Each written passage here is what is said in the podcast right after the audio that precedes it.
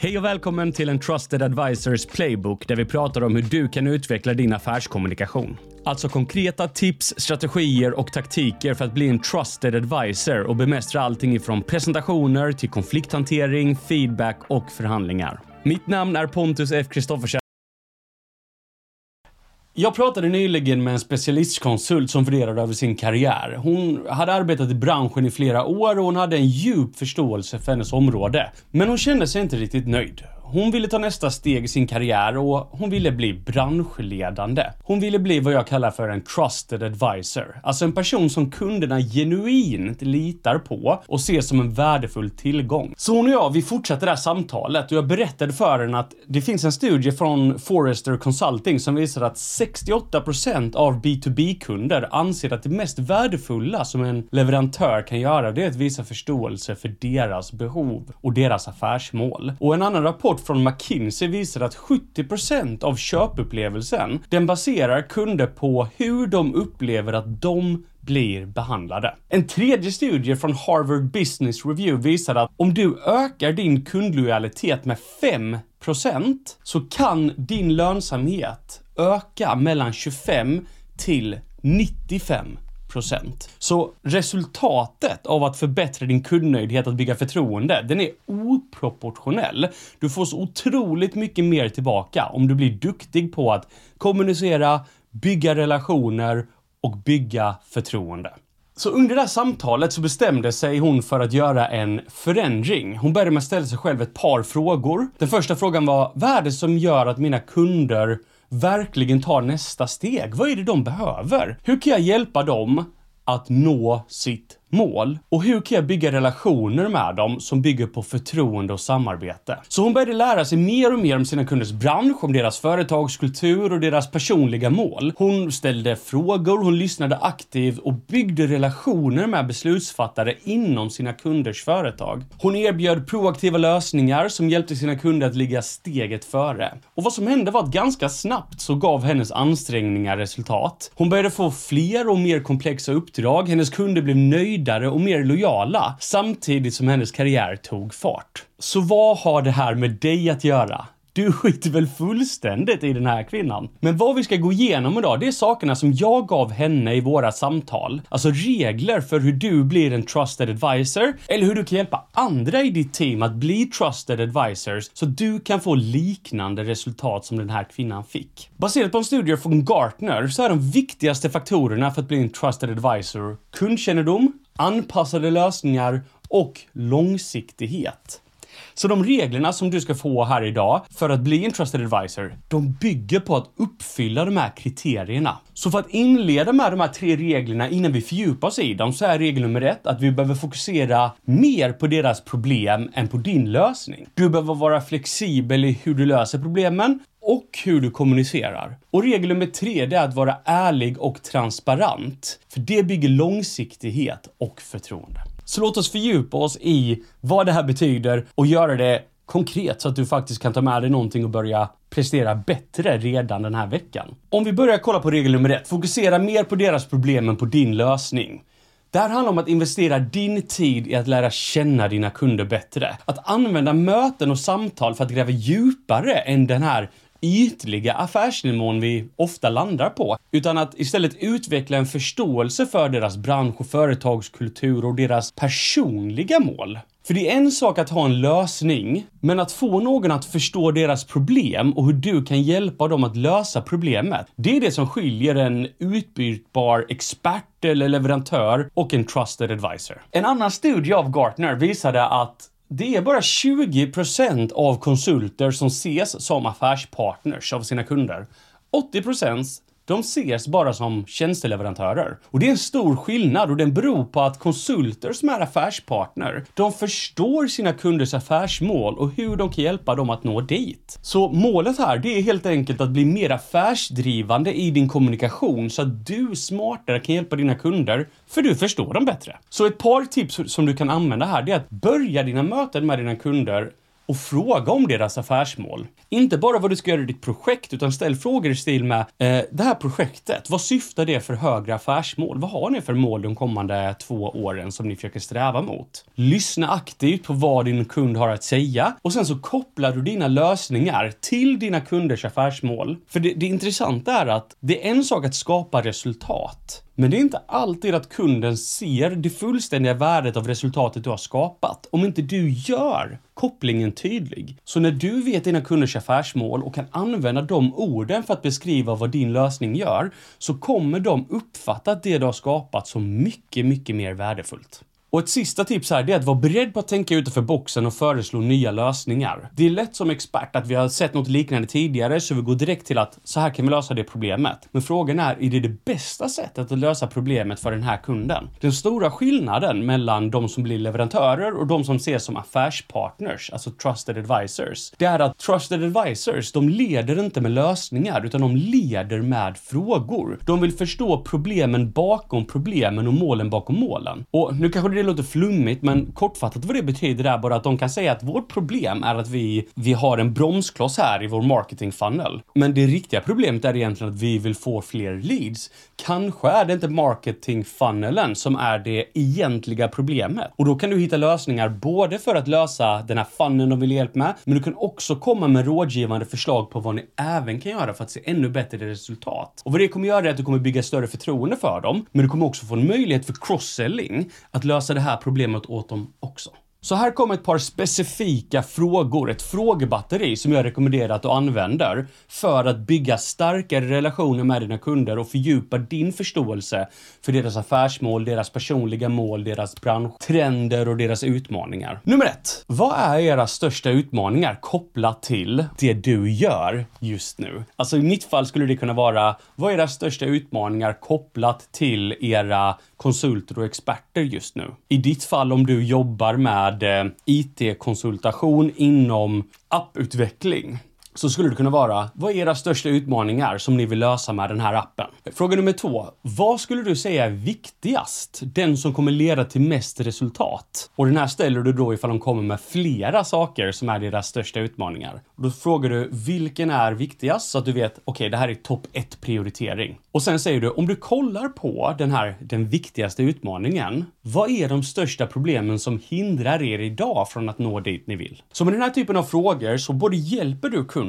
att verkligen förstå och hitta problemet ordentligt, men du förstår också problemet ordentligt. Och sen kan du gå över på frågor som mer fokuserar på att hitta målet. Och då kan det vara frågor i stil med, om det här problemet skulle lösas, vad skulle det leda till? Och sen så säger du, och varför är det viktigt? Och det kanske kan låta självklart på deras svar, så att vi kommer tjäna mer pengar. Okej, men varför är det viktigt om vi tar det ett steg längre? För då kanske det handlar om att de kan expandera, de kanske kan ta marknadsandelar, de kanske kan bryta ny mark i en ny bransch. Så frågan är viktig för att problemet bakom problemet eller målet bakom målet kan du hitta med den frågan. Och sen kan du ställa en fråga i stil med om allt det här hade varit löst imorgon, vad hade varit annorlunda då om du jämför med hur det är idag? För då börjar de måla upp en bild av deras drömscenario. Så här önskar jag att det var. Och då kan du hjälpa dem att hitta lösningar för att ta sig närmare det. Det är lätt som expert att ta för givet att du förstår kundens problem och mål. Tro mig, jag har gjort det här misstaget så många gånger. Men du kan ha fel. Och vi har fel oftare än vad vi tror. Och vad som gör det här ännu viktigare att ställa alla de här frågorna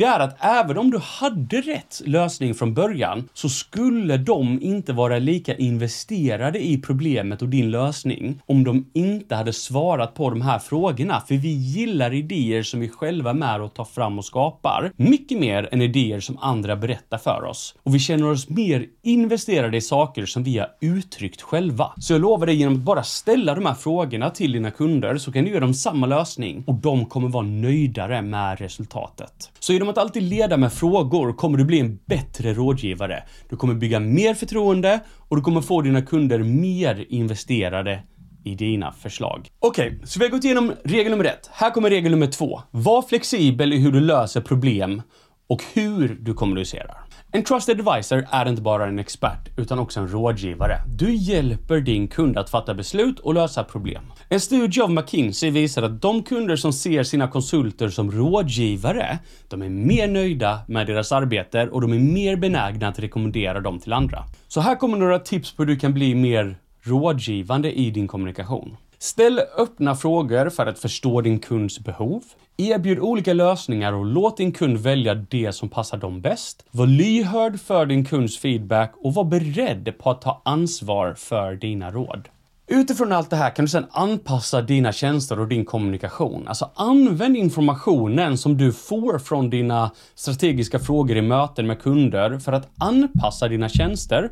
Det kan innebära att förändra ditt tillvägagångssätt eller erbjuda anpassade produkter och lösningar som direkt adresserar den här kundens behov. Men ett av mina favoritverktyg, det är att använda dig av någonting som kanske är lite banalt jag kallar för papegojmetoden.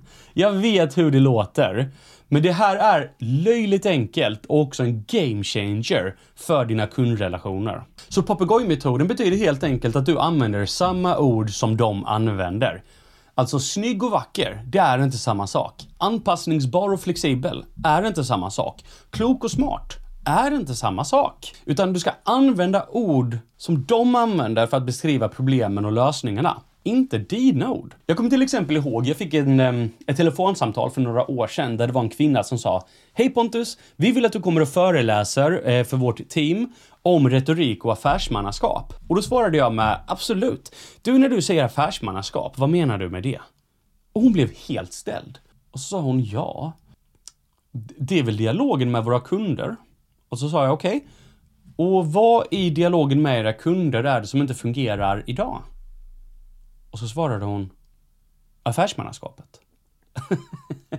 så hon loopade mellan de här två sakerna, vilket berättade för mig att jag tror inte hon riktigt vet vad det är hon behöver hjälp med, men hon visste att det hon behövde hjälp med var affärsmannaskap. Och hade jag då kommit dit och sagt jag ska prata om retorik och kundservice eller kundbemötande så hade inte hon blivit nöjd. Och tro mig, det här är så löjligt hur tydligt jag märkt det är. De gånger jag glömt att använda papegojmetoden och alltså använt de orden som kunden använde när hon eller han beställde så blir de inte lika nöjda. Men om jag har exakt samma innehåll och lägger in de här orden så blir de direkt nöjda. Inte för att kvaliteten på min utbildning var sämre, utan för att de såg hur det jag sa relaterade till deras vardag. Och på samma sätt ska du använda papegojmetoden för att beskriva problem och lösningar så kunden direkt ser värdet som du skapar åt dem.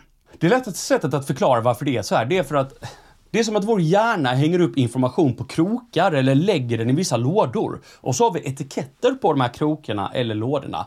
Och ifall vi inte använder de här orden så hittar inte kundens hjärna facket, lådan eller kroken att hänga upp informationen på och då faller det platt. Men när vi använder samma ord som de gör så hittar de direkt att ah, det här är affärsmannaskap. Hade jag sagt kundservice hade de inte hittat affärsmannaskapskroken och då hade de inte blivit nöjda för de ser inte hur jag löste deras problem. Och på samma sätt är det ett stort problem för många specialister och experter att de har ett vokabulär som inte är det som kunderna har och där faller kommunikationen platt. Så även om du har gjort exakt det du lovade, du har löst deras problem, om du inte kan förklara det på ett sätt så att de förstår och ser värdet, så kommer det med största sannolikhet falla platt. Alright, vi har kommit fram till regel nummer tre. Var ärlig och transparent. Då bygger du långsiktiga relationer och du bygger förtroende. Så när det kommer till att vara ärlig och transparent så handlar det om att vara tydlig med vad du kan erbjuda och vad du inte kan erbjuda. Istället för att säga jag kan lösa det där också och sen göra ett halvbra jobb för den här uppgiften låg lite utanför din expertis så tjänar du väldigt mycket mer på att berätta att det där finns det andra som gör bättre än vad jag gör och jag rekommenderar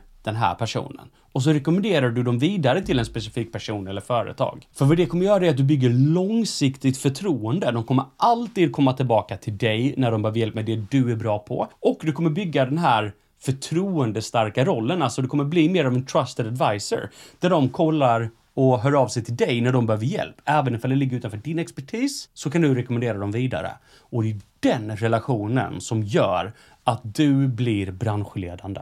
För att underhålla relationen långsiktigt med dina kunder så handlar det om att hålla kontakten med kunden även när ett projekt är avslutat. Du kan uppdatera dem om relevanta branschtrender och erbjudanden, vara tillgänglig för frågor och support. Jag förstår att det kan låta jobbigt att så här, men jag har ett annat projekt och jag kan inte bara fortsätta svara med eh, de gamla kunderna. Men tro mig, det är så lite som behövs. Det kan vara ett mail varannan vecka eller bara en gång i månaden när man kollar läget och säger jag läste precis det här i den här artikeln, tänkte att det skulle vara intressant för er. De där små sakerna, det där lilla extra som ingen annan gör kommer få dig att bygga en helt annan relation och förtroende. Och det här hjälper att cementera din position som en pålitlig och oumbärlig resurs för dina kunder. Det finns en studie från Edelman som visar att förtroende är avgörande för affärsframgång. Företag som har högt förtroende bland sina kunder har högre lönsamhet, en högre kundnöjdhet och högre medarbetarengagemang. Så jag gillar att göra liknelsen att om du kollar på toppatleter så krävs det väldigt mycket träning för att få lite, lite bättre resultat. Alltså för en 100 meterslöpare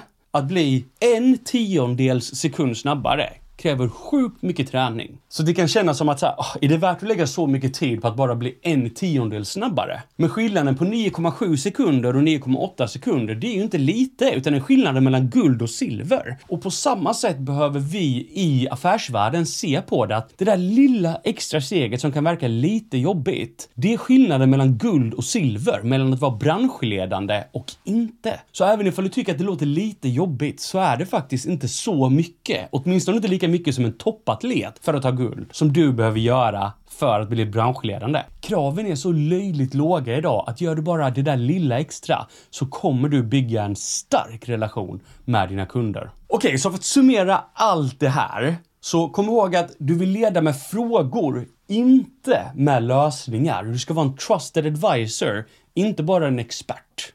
Du ska använda papegojmetoden, alltså använda samma ord som kunden gör för att beskriva problemen och lösningarna. För då ser de värdet mycket tydligare. Var transparent, var ärlig och håll kontakten även efter avslutat projekt. Följer du det här så lovar jag att du kommer cementera dina relationer med dina kunder. Du kommer börja bygga ett förtroende som successivt kommer göra dig till en trusted advisor. Så det var allt för det här avsnittet. Testa tipsen. Lägg märke till hur bra de fungerar och kom ihåg att förtroende, det är valutan för framgångsrika affärer.